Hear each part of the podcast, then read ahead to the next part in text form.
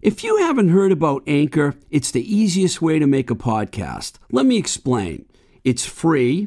There are creation tools that allow you to record and edit your podcast right from your phone or home computer. Anchor will distribute your podcast for you so it can be heard on Spotify, Apple Podcast, and many more. You can make money from your podcast with no minimum listenership. It's everything you need to make a podcast in one place. Download the free Anchor app or go to anchor.fm to get started.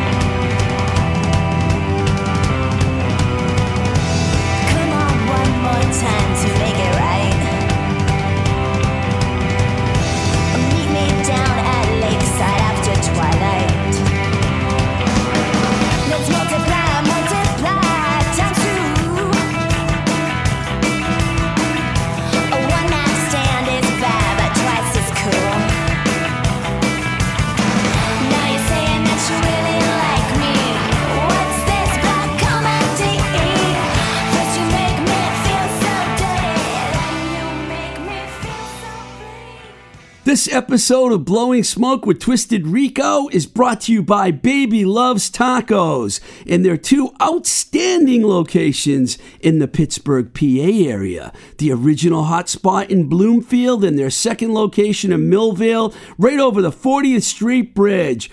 Baby Loves Tacos where everyone eats. And I heard a little rumor this week there may be a third Baby Loves Tacos location in the future, which would be really exciting for people in Pittsburgh. Uh, unfortunately, not exciting for anyone that's not near Pittsburgh. But if you go to Pittsburgh, go to Baby Loves Tacos.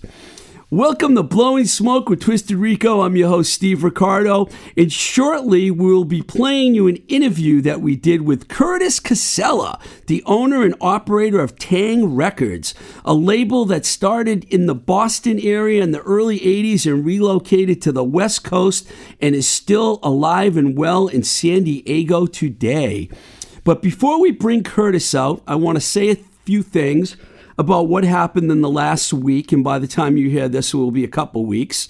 Um, as some of you know, we started a separate radio show where we were playing 20 to 25 songs and talked a little about the songs and their creators, you know, like a real radio show. It was called Twisted Rico Radio. It was supposed to be a fun show expo- exposing many bands and songs that a lot of people never heard of. Well, Anchor, our host, who I am thankful for since they also host this podcast, yanked the show from the air after we created a separate site for it and released two shows. It was disabled literally the day after we released the second show, in fact. Their reason, and I quote, Anchor is not intended to be used as a distribution tool regardless of the licensing status of your song. Well, a lot has happened since then.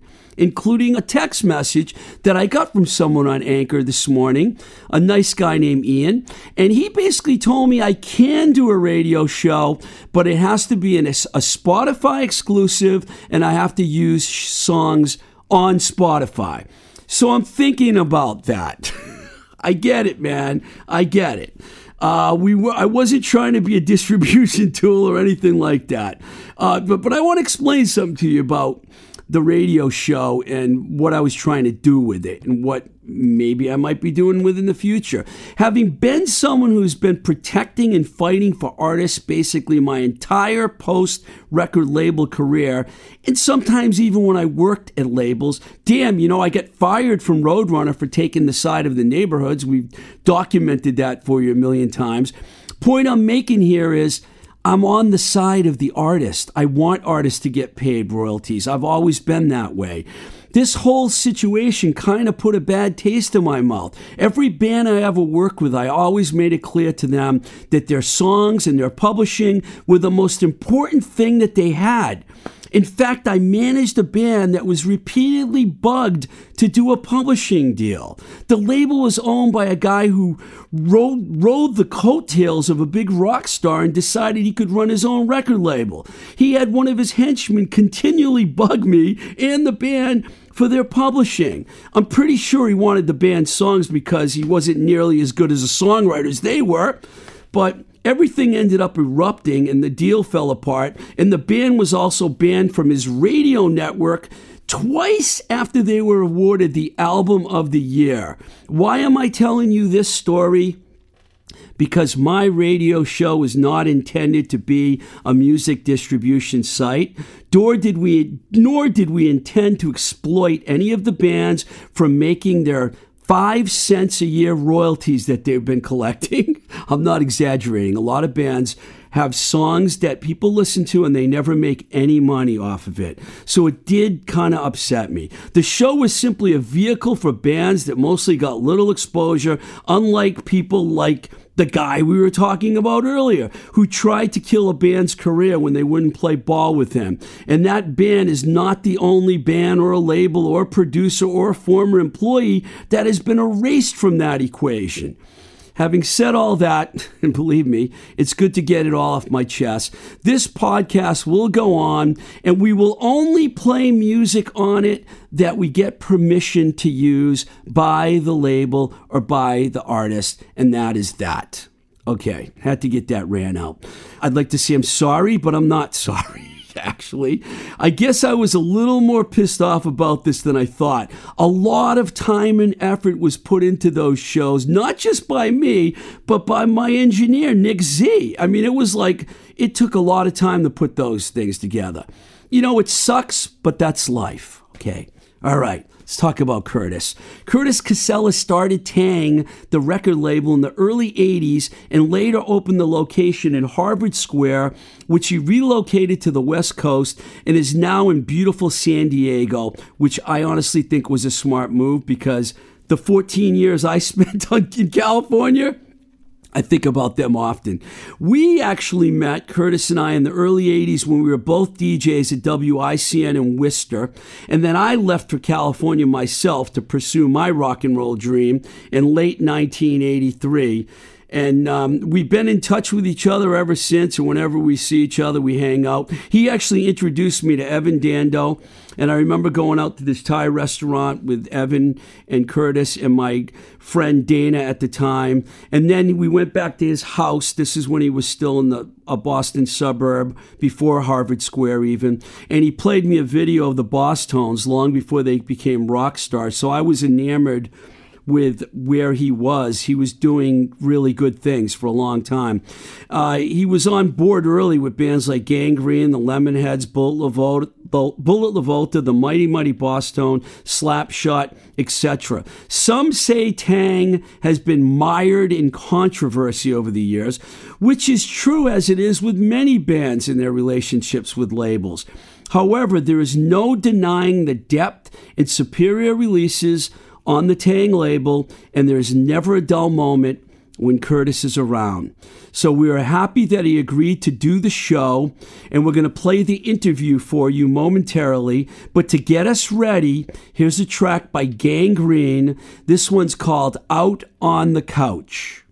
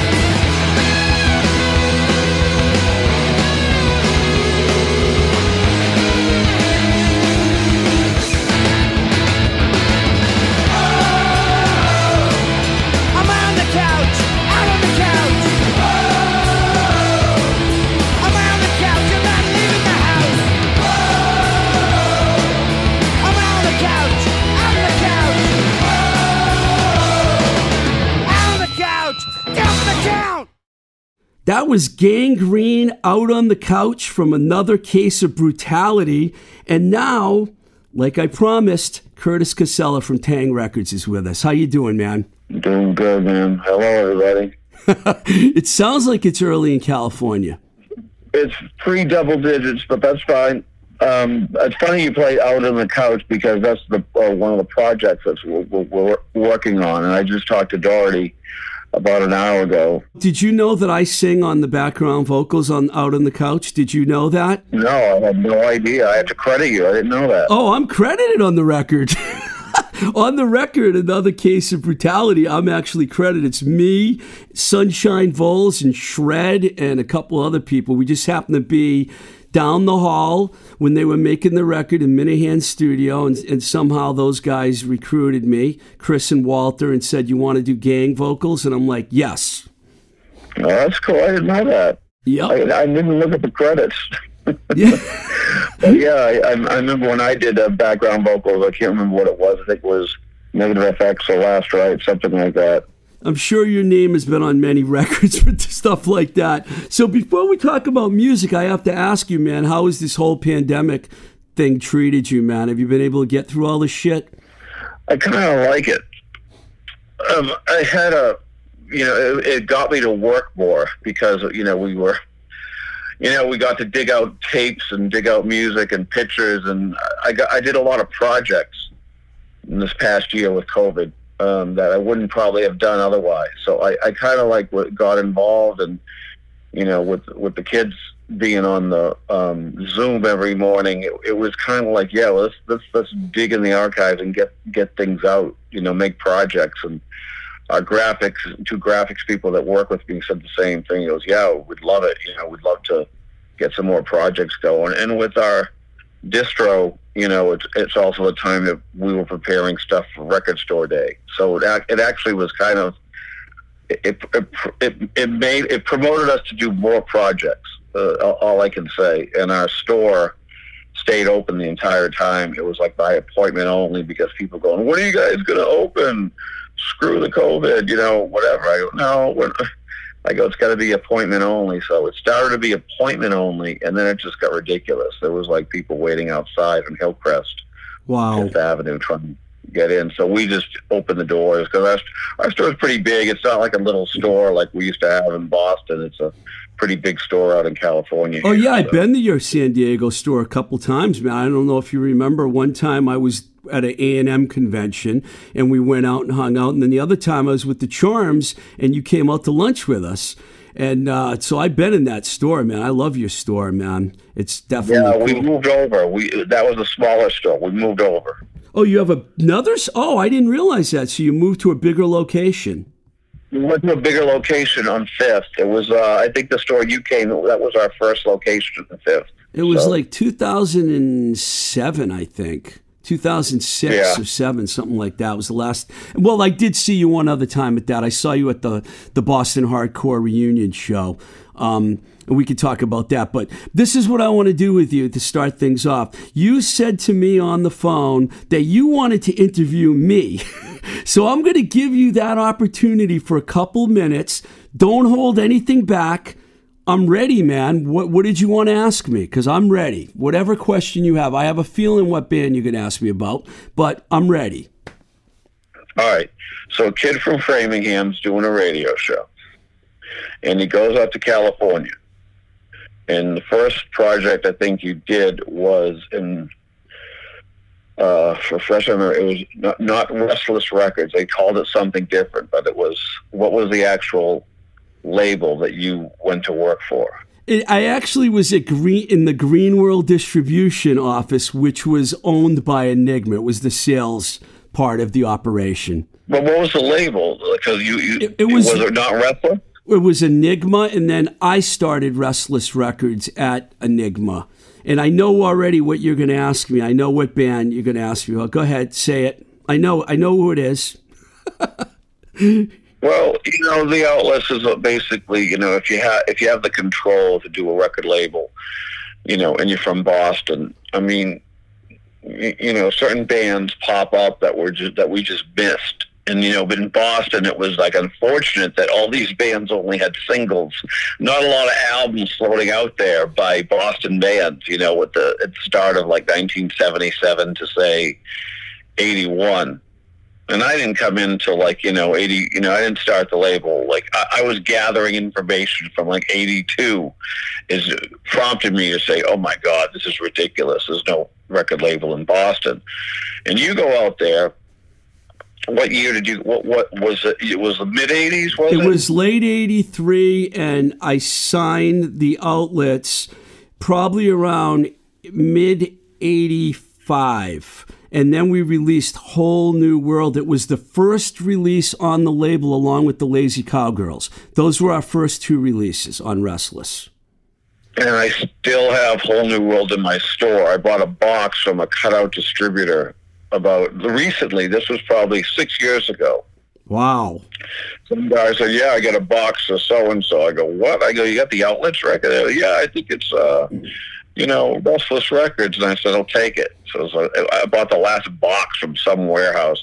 But I wanted to ask you this: Is how did you deal with the outlets, and how did you even squeeze an album out of it? Because you're dealing with a band that only had what three singles? Uh, excuse me, th- uh, two and a half singles, Yeah, three and a half singles, basically Yeah, a split single and then three seven inches. And you know, when you when you look at Boston stuff, you'd look at like La Peste, obviously Natural Acts. Um, you know, ba- basically these bands, fly by night outlets, seven inch record. That's it. The world doesn't really know how great these bands were. And that's kind of like, wow, you know, this is so silly that there's no record label to gather all this stuff to, to put out into the world. And you actually did it with, with the outlets, but with a very strange cover. I wouldn't have used it. Um, I would have used just a black cover o- over the one that was done. No offense to anyone who designed it, but it didn't portray the band. And it, it was like, wow, I was waiting for this record, and this is what we got. And it Well, was like, I, I look back at it now, and I got to be honest with you. I I'm I was I'm disappointed with the cover, and I'm also disappointed with the recordings. I think it didn't really bring out the energy of the band. But here I am, like 24 years old, very little experience. I did a P&D deal for people out there that don't understand what that is. It's a press and distribution deal. Brooks Whalen actually owned the master. I got the master from him. He delivered the cover. We couldn't reject it. It was like a P&D deal. We could have, but uh, nobody said reject it. Everyone said the album cover sucks. And I was really disappointed about that, but we still were able to get about 4,000 units of that record out there. And I felt like because them, they, along with the neighborhoods, were my two, two of my favorite. I won't say I didn't have other ones, favorite bands. And at the time, that's all I had to work with, Curtis. I mean, I wish I had more to work with, but I didn't because that Boys Life Outlets single was fantastic, and the Bright Lights Best Friends single was equally fantastic. And I don't think the energy. Also, Whitey wasn't in the band. It was Mike County was now their bass player at that time with the Barton brothers and Walter. But you know what? I still am proud of that, and I'm glad that we released it. It's not the best work they've ever done. I agree on that with you and many others, actually. But we had to get an outlet. I had to do something for that band. I was dealing with weird people, too. I was dealing with Brooks Whalen, Kathy Logue. I wasn't dealing directly with the Bartons. Later, I dealt directly with both the Barton brothers on different things, but not then. I just, you know, dealing with the Barton brothers always has been an adventure. I mean, there's just never time. I, I remember every single time I hung out with them and talked about, you know, doing stuff, and it was always, it was just, it was bizarre. It was like we're from different planets. I felt like we were seen in Lost in Space. You know, it was like. Uh, I'm Dr. Smith and I'm meeting the aliens. It was, it, I mean, they just were on a different level and a different thing. I go, guys, I go, do you realize, you know, you, if you did a record when Best Friends came out, it would have been the most historic record in the history of Boston. Huge. And they like, they would like look at me like, huh? Wh- wh- What is it? What do you mean? I go, I go, it needed to be an album, and that was, a, I think, a big problem with all the Boston bands. You know, nervous. Look at the Nervous Eaters. Look, look at all the ones that started. You know, bands like Tracks, who had the first punk single out of Boston. No album. I mean, if there was an album of, of um, these bands at the time, it would have been legendary. And you got you got a guy in Italy over there who's making you know certain records by Boston bands that are bizarre, really bizarre to me. You know, a Dogs record. That to me was like, what the hell? You know, these are. But he, at least he had the initiative, and you had the initiative to take these reg- bands and, and put out albums of the of the band, the singles only band, and I think that was. Um, so, so it, it will always be bizarre to me when I see something compiled from uh, from Boston bands Yeah. because damn man, if this can you imagine La Peste Better Off Dead album at the time when they came Yeah. out or an outlet's best friends at the time or Nervous Eaters, you know The um, neighborhoods too. The neighborhoods are the same story, man. Soul single, without a doubt. You know, and this is a sore subject. And when you when you talk to Minehan, you know, you can't have a conversation with David Minehan without bringing that up. I go, David, you know, what about flavors? What about you know, what about an album, The Prettiest Girl, No Place Like Home Time? And it's just, yeah, you know, he's he's not even. I don't think he's past that. He always says, you know, you're right. It, we should have had that, uh, and it's still it's still to this day. That's like probably one of the only bands that you know. You you must have put out what at least two or three records by the neighborhoods, Four. and the Thorough Spirit one never came out. You know, it was like okay, we're progressing. This is what we sound like now. But Yeah. you'll always have fans want bands, you know, at the height of their career to have an album instead of a single. And, you know, Boston is, is the worst of, of any place in, in the country. I mean, it's just crazy. And when you look at a lot of the English bands who had one single at the time, now they're all getting albums. I go, where the hell is this this shit from? It's just crazy. You know, all these bands. You know, uh, one of my favorite bands from the '70s, Pis- Sex Pistols, class You know, Damn Dear. It was Trash. Trash was the one of the first singles.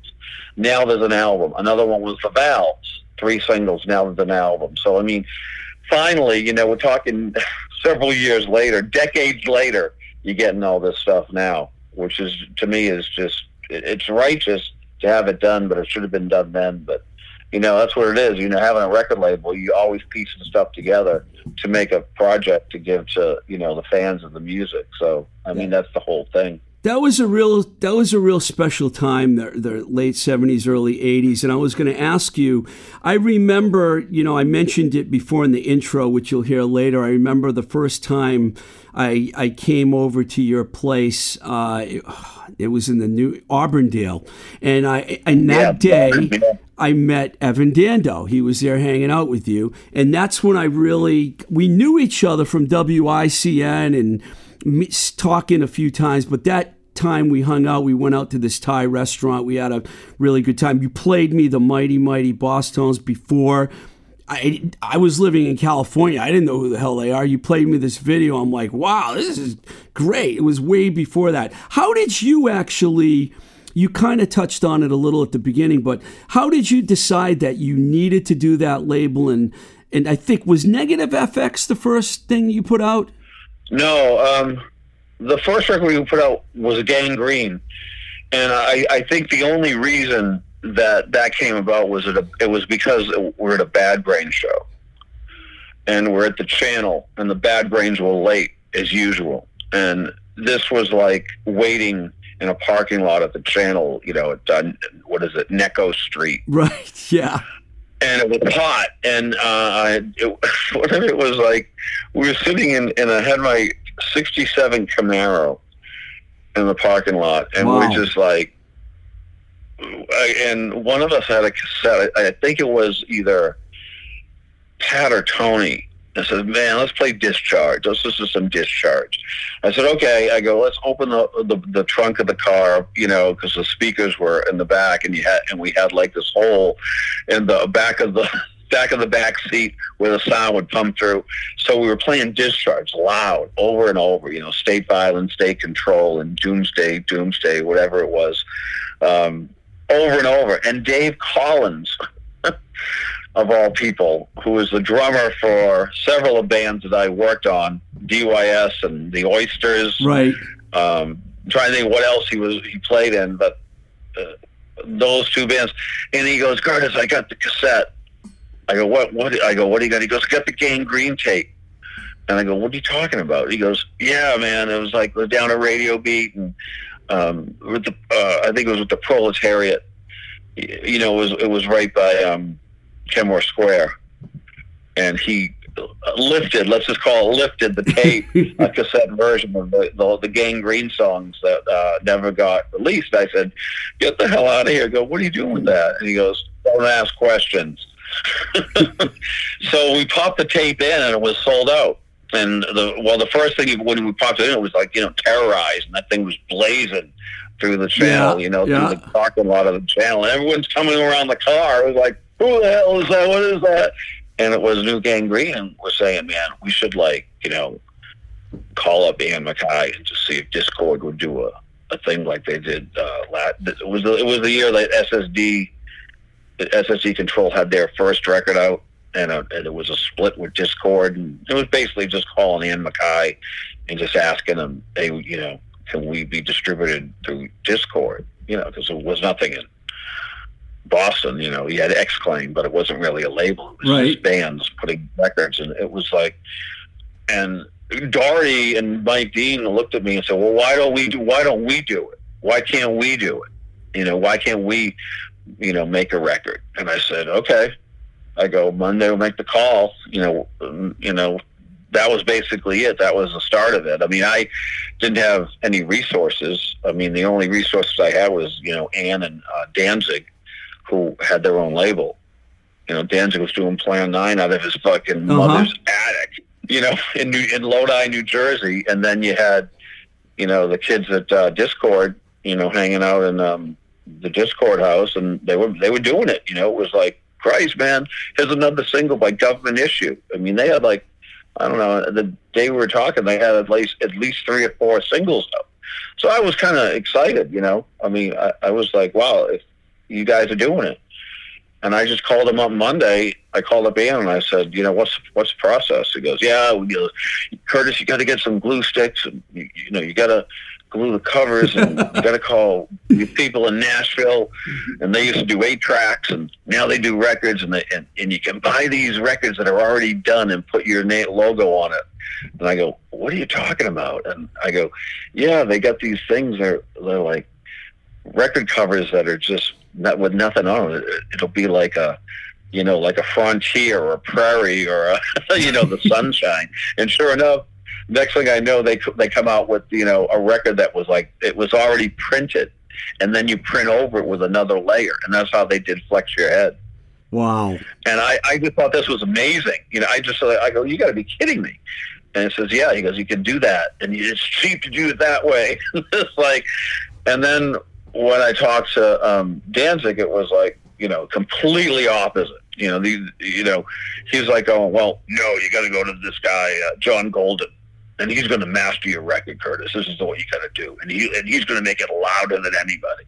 So I took his advice, and I bought. Um, I, I met with this guy, you know, John Golden. I said, "Hey, John, we want to do this record of this band from Boston called Gang Green, and they've got, um, you know, two songs." And he looks at me and he looks at the record and goes, "That's the shortest record I've ever seen."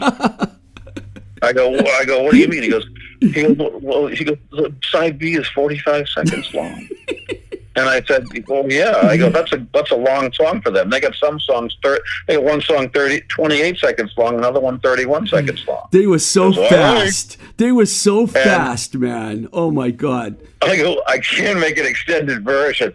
so we were joking around, and we were at my house, and we were listening to Generation X. And Generation X is, you know, uh, was Billy Idol's first band, and it was just they were perfection. You know, they put only Yeah, put I out love like you know, X. whatever four singles and two albums, and they were just they just had a certain vibe.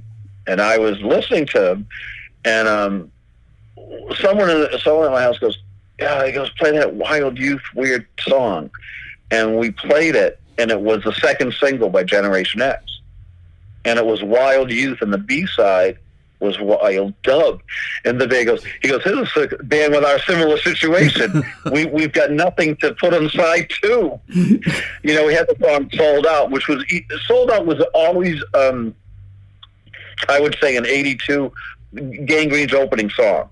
You know, when you went to see him live, they opened with Sold Out, and um, they. So we took the Generation X, um, what they were doing, which was called Wild. Well, all it was was Wild Youth, which was a blazing track, and they called it Wild Dub. I remember And you know, that. at the time, you had like you know '80s bands coming out, and we were just the opposite. The, the bands I remember, are, like in, in the early '80s, were like you know Depeche Mode, Spandau Ballet. What was the other one? the new Um, wave bands, ABC. OMD, or- Orchestra and Yeah. they had these ba- great bands that were not our style. But the thing is, they kind of had the same thing. Uh, but Generation X was the first one I ever heard, where well, this is a dub, and it's kind of like it, it, it's kind of cool. It's a dub with, without vocals because it's got kind of a you know any, anything that you put a dub is going to have a semi reggae beat and that was why, how we came up with the you know John Golden saying, "Jesus, let's do let's put something else in there." So I just said, "Here's what we're going to do. Here's the master tape. We're going to take out Chris's vocals. We're put them in in the in one part here where it gets real fast, and then leave the rest of it as a dub for the record." And he just was like, he was so excited about that project with Gang Green that he mastered it, and that's what we you know. So did that record record. did that record like do really well for you right when it came out? Well, I don't know what well was. I didn't know what we were doing. Well, you I mean, sold did you well? All we know is we we pressed as much as we could afford. We had a two thousand dollar Tilly, a bank, and um, I I go I said to Gang Green, I said, okay, well we're going to press this record, and you guys got the money. And they go, no man, we don't want any money. You just put it on the next record. And you know, the time Gang Green was um, broken up, I mean, they just said, you know, okay, well, what are we going to do? We, we thought we were going to, we didn't know how it worked.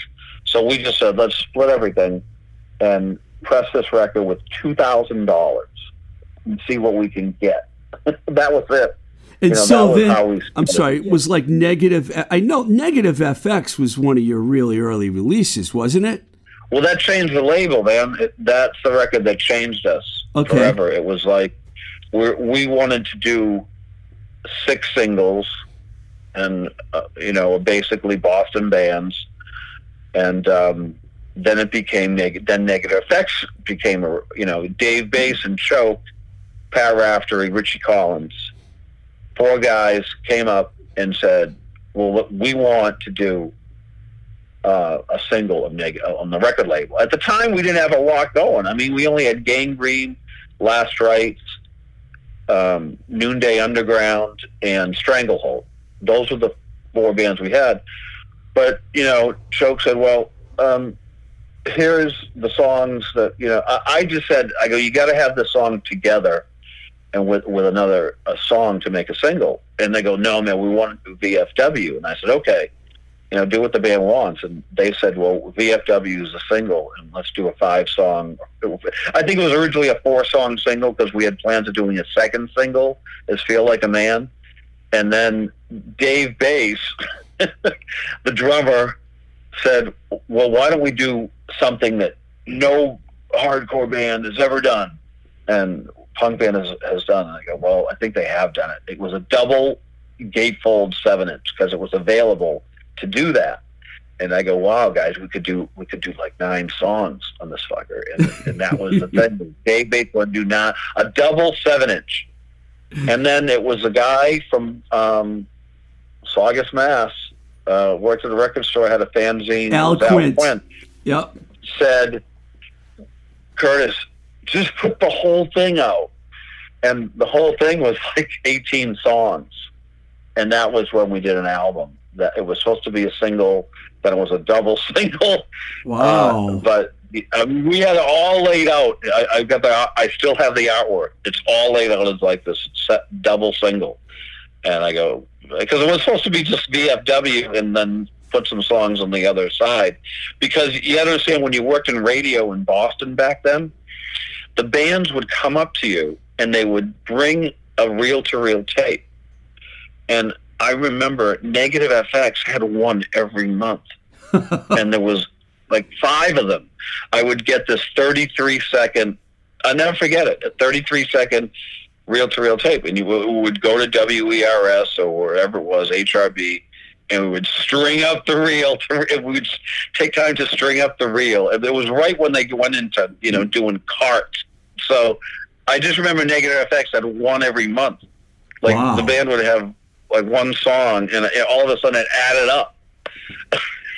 so I, you know, Al Quint was right. He goes, "Let's do." He, he goes, "Taang needs to do an album, man. You got to get out of this single." So I go, "No, man, we want to be a singles only label." And it, it was weird because it wasn't that much more money to do an album, you know. And people, but at the time, you know how it was. You, it was like, "Oh, we're from Boston. Well, it has to be. The band has to have singles out." You know, there was a time one year that it just changed when we did the album. Just everything changed. But at the beginning, everybody wanted singles, and that's how I. That's probably how it was. You know, trying to do bands trying to do it back when and the Boston stuff when it started. It's like, yeah, That was never. that, this story's cool on so many levels. 'cause I had Al Quint on my show, and I had no idea that he was like part of the original like Taang ideas and stuff. What I want to do is because there's so many things that you have, I want to do kind of like a band association thing, and I was thinking this would be kind of cool because you have a shitload of bands, and I've got a list of them here. I want you, if you can, either tell me the funniest story about this band or the weirdest story about this band or something that combines both when i say the band name do you think you can you think you're ready for this Oh my god! i'm going to start with Gang Green because you know Gang Green has the longest history with the label i'm sure you can remember something funny or weird that happened with Gang Green I don't know where to start, man. That's a whole interview, uh, like a separate four-hour interview. I mean, Gang Green, man, it, it was just so much fun, you know, doing those singles, and you know, you, I, I, the second single we did with Gang Green was, I just remember the deal that we did was with uh, Alec Peters was the manager. Oh the yeah time yep and Gang Green, they uh man, it was 15 Barrow Street. I don't know how I remember that address in Allston, Massachusetts, but it was the weirdest area. And it was a, they lived in a dead end street in Allston. It was by Twin Donuts. and their office, Gang Green's office, you know, you, you won't believe this.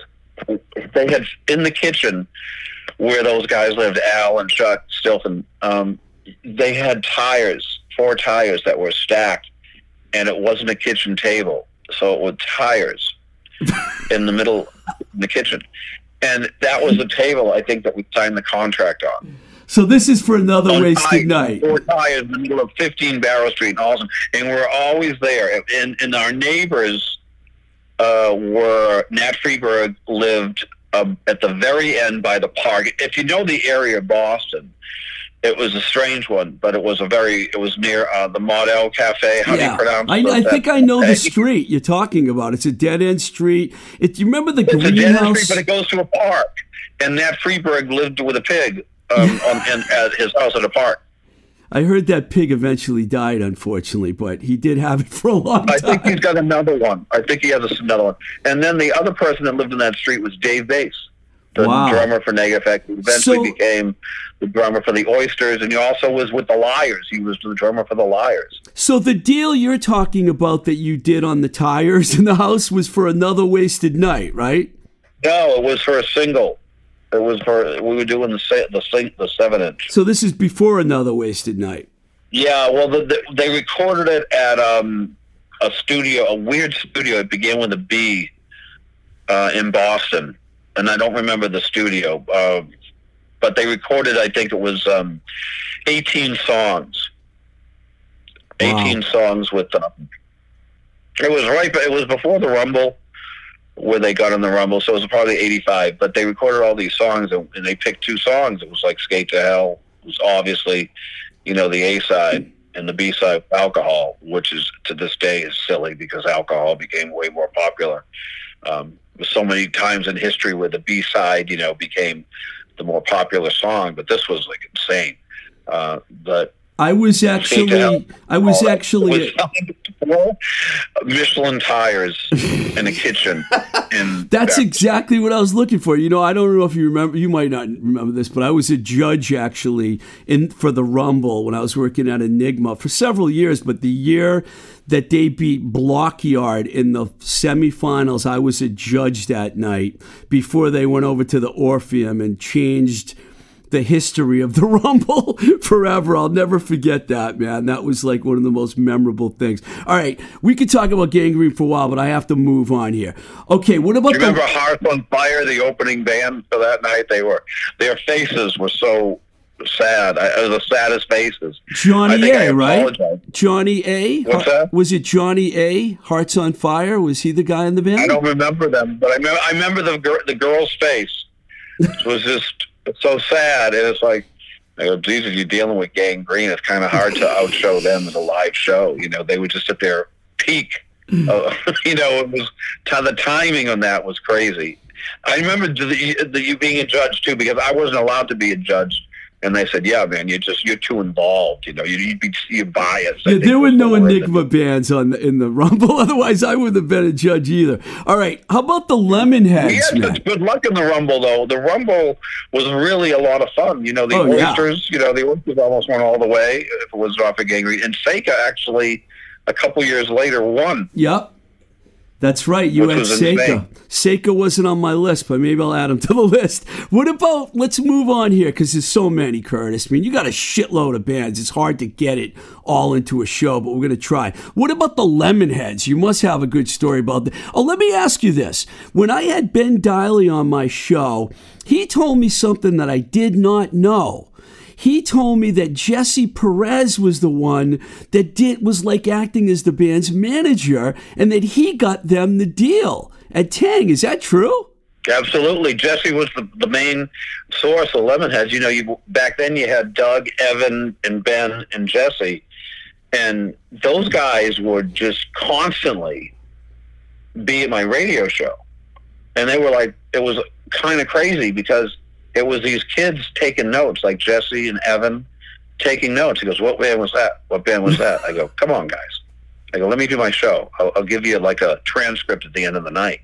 It was so like they just had they were they were like I I, I hate to say this man I, I called them sponges because they just wanted to absorb like music. They didn't have um, a lot of um, I don't want to say knowledge, but it's kind of like you know when you, you're getting into punk rock, you start with the basic tools. You know, you have to have the Sex Pistols, the Clash, the Damned.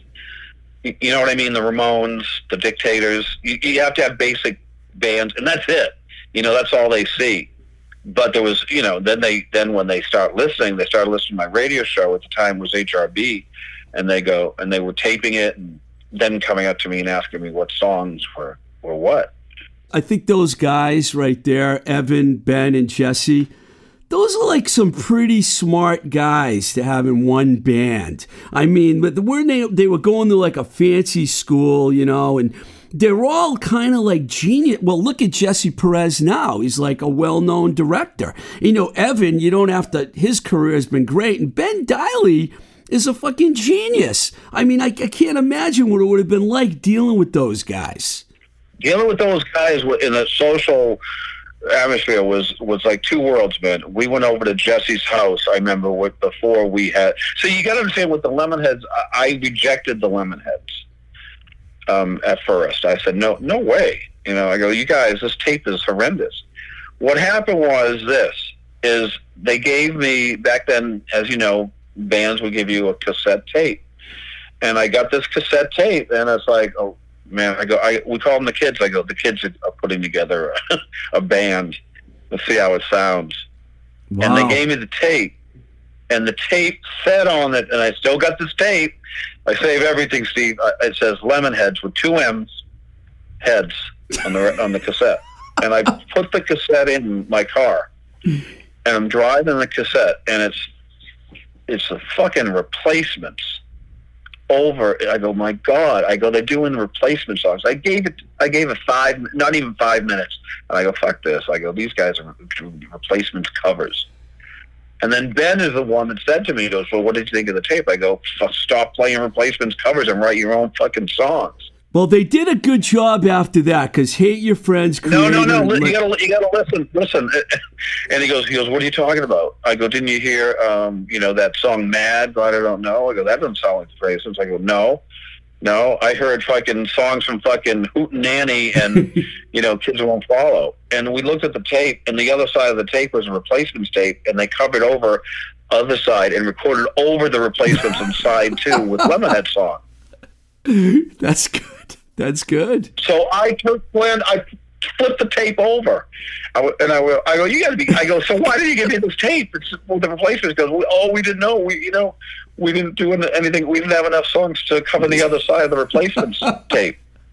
Oh and my god. I, I thought they were a replacements cover band. And I took the tape and that, and then I, when I turned that tape over and put it in, I go, you guys are going to do something. That's what I said. You guys are going to do something.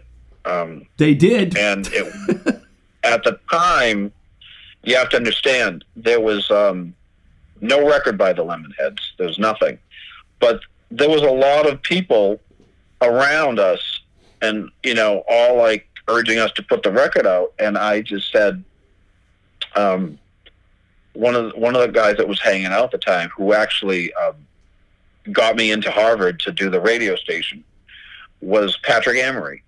Oh, and Patrick, wow. um, okay. Patrick said, he goes, he goes, what's that Lemonhead stuff sound like? And I go, I go, it's it's fucking great. I go, it's you know, it's it's it's very raw, basic. I mean, I they took all the bands that I was playing, like the obscure ones, like the Users and Satan Rats, and they made it into a band, and they got these four four songs, five. So it was five songs. I go, I, I go, Patrick. I go, I can't put it out, man. I got like you know, moving targets. This new band, Moving Targets, coming out. I got Choke's new band, Slapshot, and I've I've got this album by Gang Green, and I'm also wor- I'm working with a, a, a really a bad situation with the Oysters because they're breaking up, and they made the most incredible tape. And I was, I'm not even I'm not I can't even do the album because it's going to be no band, so we're going to do a single and three albums at the same time. And I just I don't know how the conversation got to to where it was, but I said, Patrick, I go here, talk to these guys. And Patrick always wanted a record label. Patrick Amory always wanted to do a record label, and he he just said he says, I'm going to put it out. I said that's the best thing you could do because I can't. So he ended up putting out the first single called uh, "Laughing All the Way to the Cleaners" by the Lemonheads. And I took, I told him, I go, listen, we're we're doing our first mailer. And he goes, "What's a mailer?" And I go, "I go, it's the packages that you get every day, Patrick, at the radio station with bands." And I go, he goes, "Didn't you do that before?" I go, "Yeah, but not to this extent." I go, "We're going to do press and radio, and we're going to take 500 records, and we're going to mail them out all at the same time." And I go, "Why don't you put the Lemonheads with the Oysters and Gang Green, Moving Targets, and Slapshot?" He was all into it. Brilliant. So we took 500 and they all went out. And that's how the press got this and, you know, got got to everybody. And I just said, I go, I'm going to do um, an album with these guys. And that was it. I go, I wanted to do an album. And, you know, Jesse is, uh, Jesse, I think, was jumping to the ceiling, you know, I mean, hitting his head on the ceiling. He, they were so excited. And I go, yeah, we're going to do an album. and we want to do this um, record. And I think it was Evan and Ben were at my place in Auburndale, and they said, uh, "Oh my God, look at this thing! We're looking for Life magazines for Charles Manson." and there was a Life magazine with an ad of a Mustang, and the Mustang had flowers on it, and it spelled six, and they thought it was satanic, but everybody else would think it's kind of pansiest to have your first punk rock record with like a flowers and a Mustang with a girl like smelling a flower, and they wanted to call it Lemonheads and just have the it, it didn't it wouldn't it was going to be called just Lemonheads, but the cover, and I still have the cover, uh, was going to be six so that it looked like it would be kind of satanic, but I don't think anybody would get it. So I go, oh man, I don't like that cover. I go, great. I go, we got 20 great songs. I go, but the cover just is not happening. And it was, um, yeah, it, it's one thing led to another. We went to Jesse's house on in Cambridge, and I was in another world. You know, we walked into that house, and there's like this picture of uh, Jesse's dad. Jesse's dad is with Golda Meir and as you walk into the house, there's a picture. I go, I go, Jesse, what, what the fuck does your dad do?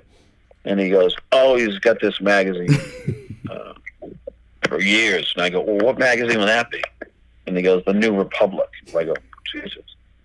Yeah, it was pieces. Like, well, there's, there's like, you know, New Republic all over the place. I pick one up and I, I, go, I go, wow, okay.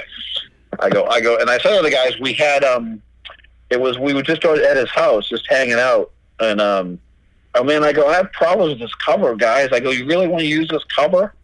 And he goes, we got any better ideas?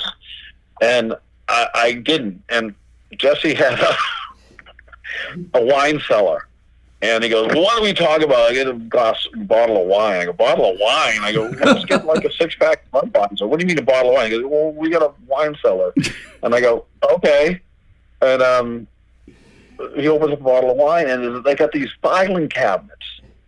Um, that was in like a hall. It was like I don't know if it was a living room or a hallway, but it was filing cabinets. And uh, I go, "Oh, is this your your dad's, um, you know, magazines and stuff?" He goes, "Oh no," he goes, "That's our family photos." And, and I go, I go, wow. I go, really? I go, you keep it in a filing cabinet, not like a, you know, parlor book, you know, in the living room. He goes, yeah, we keep it in a filing cabinet. Wow. I open the filing cabinet. He opens the filing cabinet, and I go, I go, this is you when you were young, and it's like, you know, two little kids walking down, uh, you know, road in Cambridge somewhere, holding toy guns, and I go, it's your fucking record cover right there. I go, Good call. I, song do you want to open the record with? I go, inside too. And he goes, hey, your friends. I go, fucking, hey, your friends. Two fucking little kids walking down the road. That's your cover. He goes, huh? I go, yeah, let's go. This is it. I'm taking this picture. That was the end of it. And I pressed the record. That's awesome. I got to get you moving along here because I do think Hate Your Friends, Creator, and Lick are three of the best independent records ever made. I do have to say one other thing. It's funny how everything's connected because Patrick Amory, my office was next to his for two years when him and Gerard were running Homestead and I was running Giant. And I was right next to Patrick. I didn't really get along very well with those guys, but I do remember Patrick. Okay, you ready? Bullet LaVolta. Okay, where do we start? Um, damn. Well, their first two records that you put out were fantastic as well. I mean, it's like you just have a track record, Curtis. I don't know what to tell you. Was there anything funny about those guys, or were they all serious? There was always something funny because you had Corey Loog Brennan in the band, uh, who was the who was basically our mentor. He was already in bands before Bullet LaVolta, and the other guys were not. I mean, except for uh, Yukki. You know, Yukki comes from the Midwest, comes from Indiana, Right. And he, we didn't know him. All we we knew him for one thing.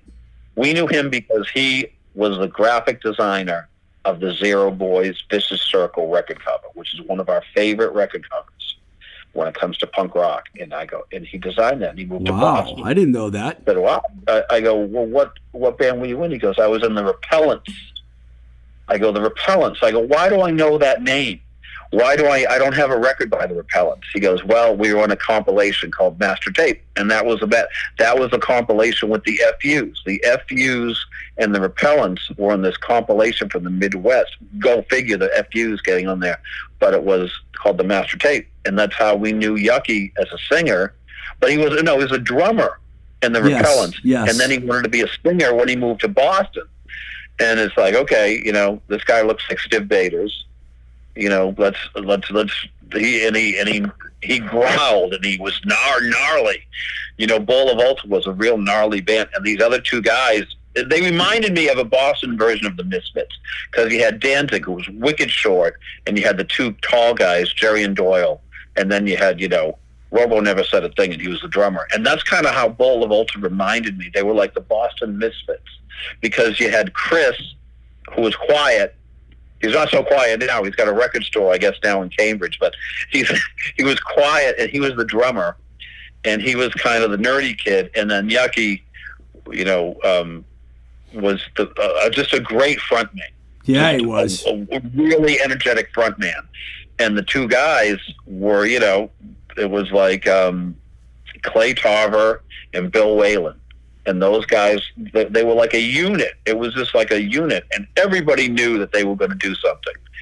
And um, they picked me. They go, they go. Well, there's no other label we want to be on. I go, we, we want our debut. They to be picked on." you. Wow, that's cool. And I was like, okay. I go, let me hear the song. I go, let me hear the songs. And Corey played me the tape, and I didn't even hesitate. You know, it wasn't like the Lemonheads where said, "Fuck you, get it, get out of the room." It was like, it was instant. It it was just instant. It's like this is this is going to be a, a historic record from Boston. What's weird about Bullet LaVolta, to this day, when we play it on the West Coast through the store, you know, because we we have a jukebox on our website, so it's it's random, Right. and people Volta, and you know, my employees as well. They go, we don't get it. What? Go, what do you mean you don't? I go, what do you mean you don't get it? I go, this is a powerful punk rock band. He goes, yeah, because something. Uh, so they, they, there's such a weird reaction to people outside of Boston with Bullet LaVolta. I go, I go, what the hell is this? I go, are the eardrums like different from the? They really were a New England sensation, but it didn't turn out like the rest of the bands where it was national. Overseas was different, but California, West Coast, damn, Yeah. I mean, uh, it was like the one band on the label that people just like, we don't get it. I did see them at the whiskey um, when they when they toured. I thought they were an amazing live band, but it didn't really happen for them at at RCA Records. Unfortunately, the gift and the the EP to me are like they're both fucking awesome records, but they didn't. I got to move forward though. Ready? The mighty mighty Bosstones. Yeah, okay. Where do we go start with that? With the Cheapskate. They were the Cheapskates originally. And Dickie tried his uh, art at Impact Unit. That didn't go so well. But they did get to open the channel at the Misfits. Uh, that was a band, like those two bands you mentioned, Boulevard and Boston, those are the two bands that uh, a lot of people said, why did you sign to Mighty Mighty Bosstones? I go, well, A, you know, Dickie's one of my oldest friends and B is like it's a it's a new type of sound, and every one of the at including Cees Wessels. So you know, Really? that, that's the that's the one you have to. Cees Wessel said, "What are you doing with it? Why, why would you put out the Mighty Mighty Bosstones?" I go, "What do you mean?" Uh, He goes, "He goes, well, that's it's they're trying to be punk rock and they're ska, and it's just a, they're just it's too much going on. It's like Miles Davis bitches brew." I go, yeah. I go, so it's a new sound. So what's your problem? And I know we had a tiff. The two of us had a tiff because I, you know, I had to deal with Roadrunner. I had plenty of tiffs with Cees Wessels because I used to work for the guy, so you don't have to tell me about him. He was a very strange dude, for sure. Oh yeah. So uh, the, I, our deal with Roadrunner was we have to release this record overseas. I go, it's part of our deal. We know we got a twenty album deal here. And he goes, he had no problems with Upside Down Cross. He had no problems with Moving Targets. He had no problems with Seika. He had no problem with Maelstrom. But he had a problem with the Mighty Mighty Bosstones. Wow. And I said, I want this record released overseas. I want the band to tour over there. I, I want to eventually go over there.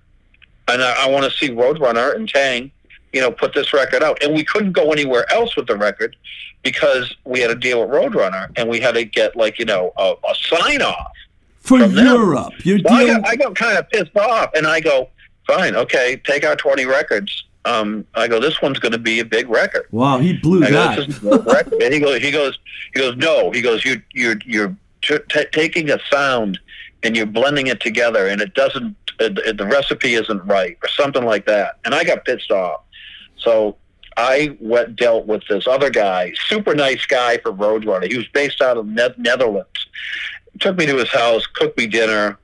Um, we went out to amsterdam and i and i i don't know what it was that i said. I don't know what it was that i did. But i i just said i go look i go you gotta you can't you know you guys are metal based and i know it's got to be a certain sound and you market stuff a certain way. But if you take this band and just put the thing out you know but like field of dreams if you put this thing out people will come and Yeah. buy it it was They I did. just felt like Kevin Costner in the conversation.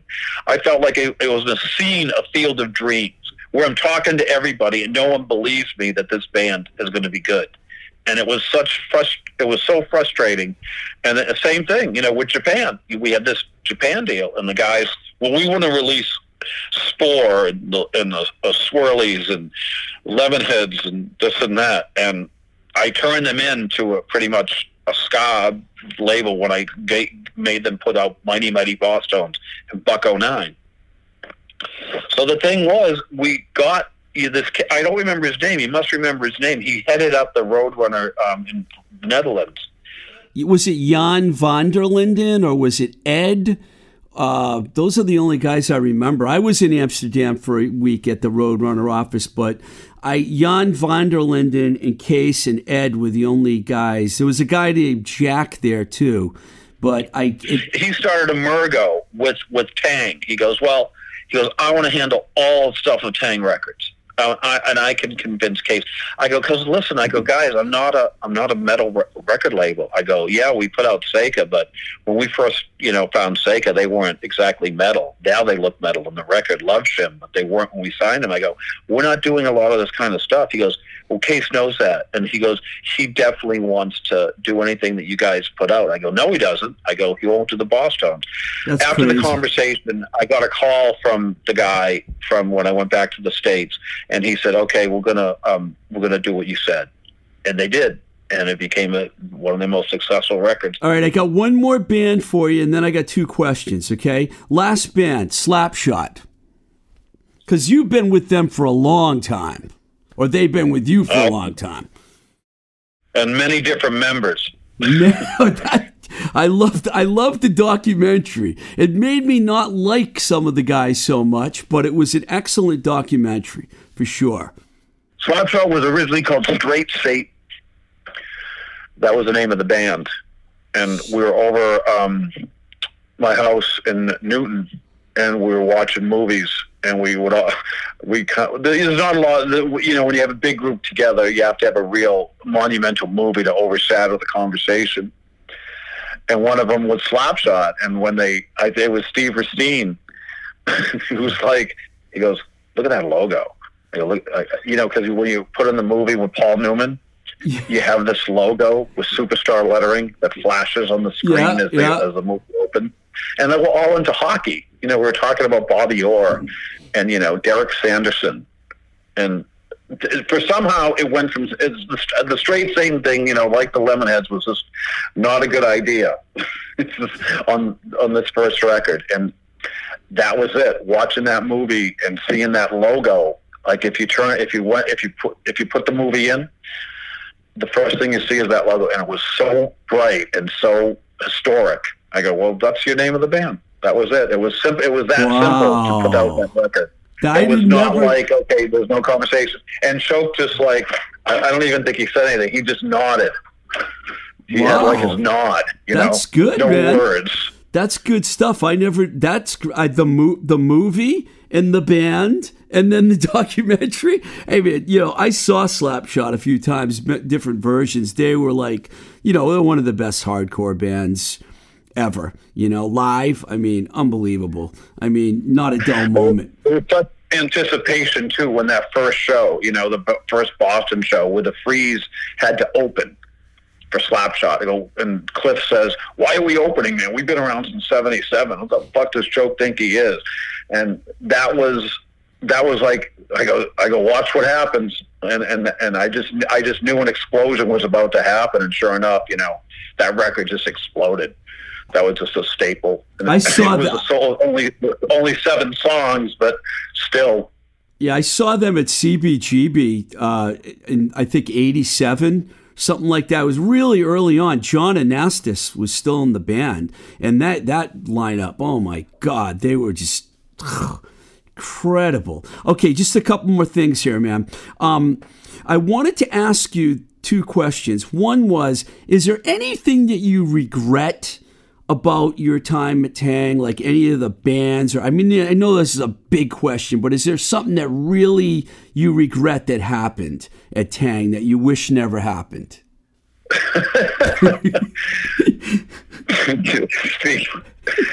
uh, Sorry, man.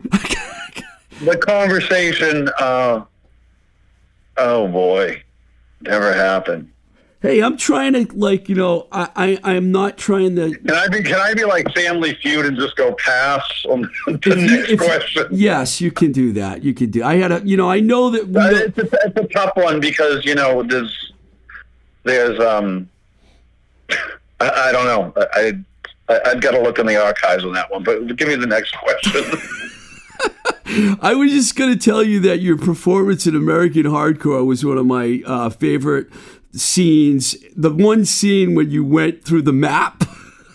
Were you happy with the way you described the map of the U.S.? For people that didn't see it, Curtis is in American Hardcore, the film, and he talks about the bands from every scene and how I don't think of this. I think of Battalion SH, you know, and you went through every single. Were you happy with that when that came out and you saw it?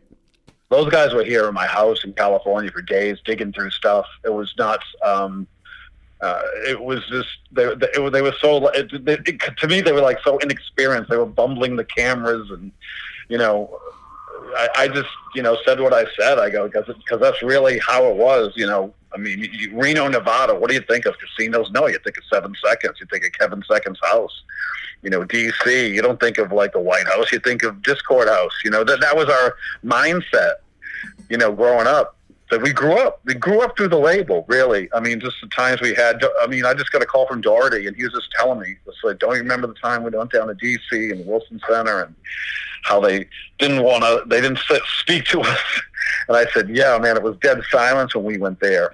I remember when one thing I, I just I'll never forget is uh, certain bands at their they don't know they're at their height. They don't know they're at their peak, and I just we did a show in DC, and we were just just so excited to go down to Washington DC. It was Jerry's Kids. It was a later show with Jerry's Kids, and Gang Green was already down there in '82, but um, Jerry's Kids weren't. You know, I think they were maybe the last to go. You might say, as far as all the Boston bands. Right.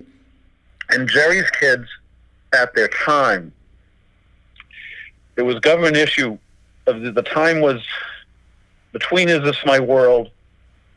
Is This My World? It was already recorded. It was already out, and but it really didn't.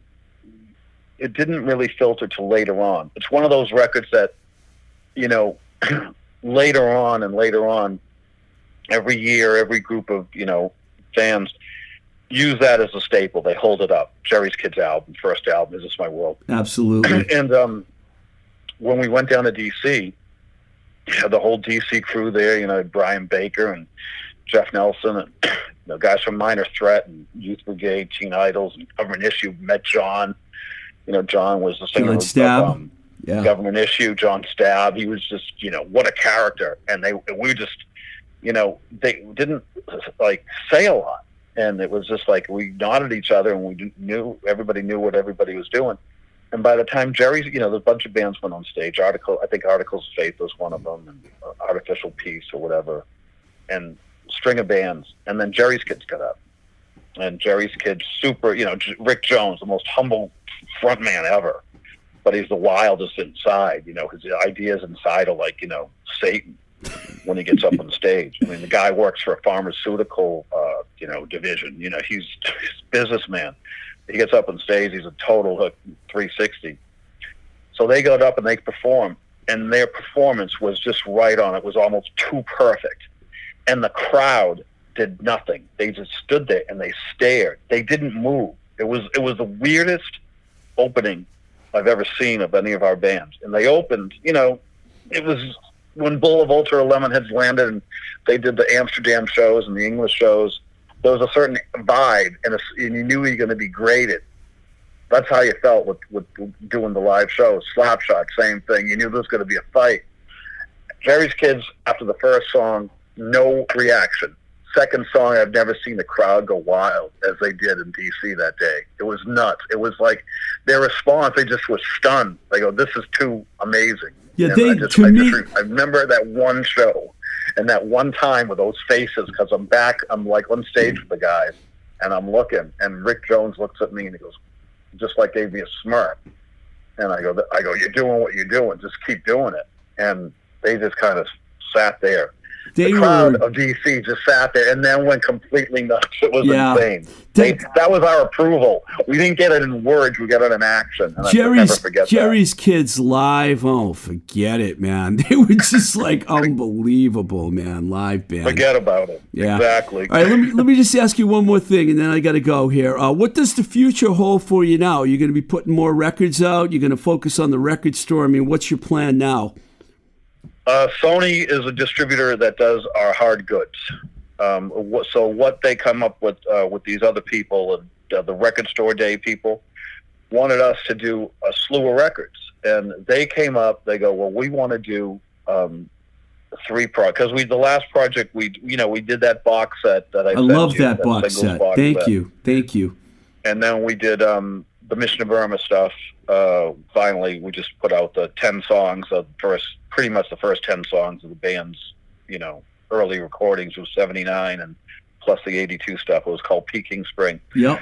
This time, we got, they wanted us to do. One of the guys at Sony goes, "You should put out that I Fear thing on an album." So we're putting out another case of brutality, and we're putting I Fear on the album version.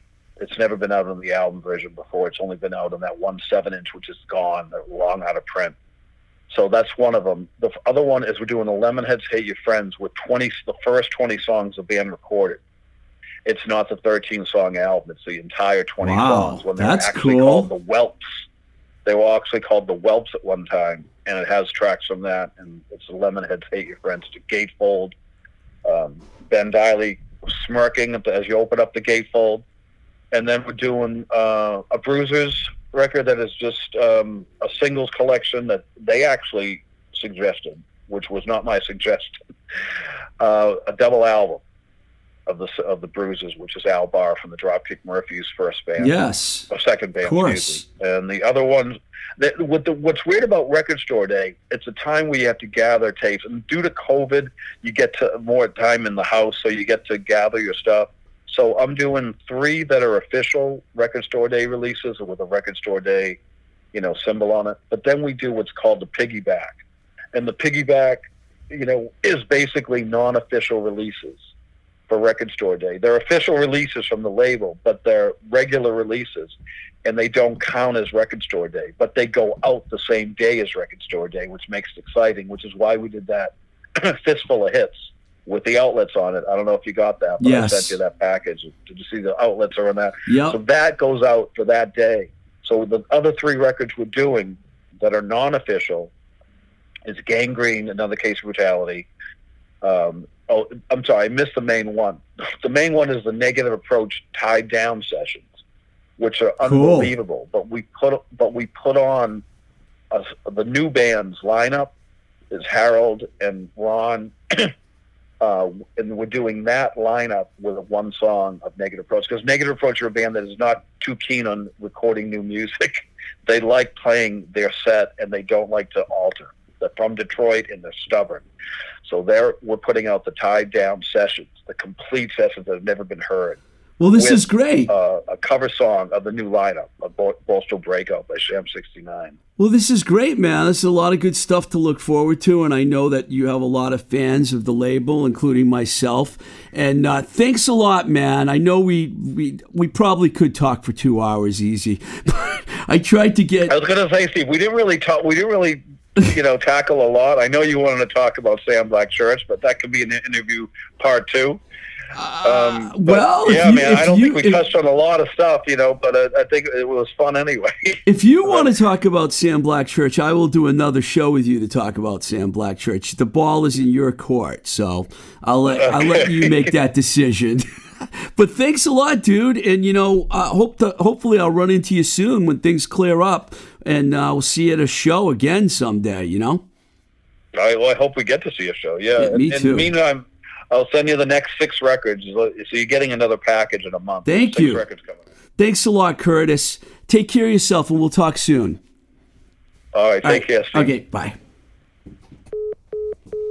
All right, that was Curtis Casella from Taang Records. I told you that would be interesting. He kind of surprised me at the end of the interview because I thought Sam Black Church was something that we would not talk about at all. I didn't even think the band's name would come up. So he caught me off guard, and I'm going to take him up on that offer, and we'll have him on the show again. But uh, thanks a lot for listening. That was a lot of fun. Um, please check out the Patreon page at patreon.com forward slash twisted rico. Be great to get you sponsoring the show for a dollar a month. Would love to have you. Uh, if you have any other questions or uh, comments or you want to send me music, it's twistedrico at gmail.com. And you can find me on Instagram, Blowing Smoke with TR. There's also Facebook and Twitter. We're everywhere, like I always say. Thanks a lot to Nick Z here at New Alliance East for doing an unbelievable job once again. Until the next time we say goodbye, this is Blowing Smoke with Twisted Rico. I'm your host, Steve Ricardo. Keep the rock and roll alive.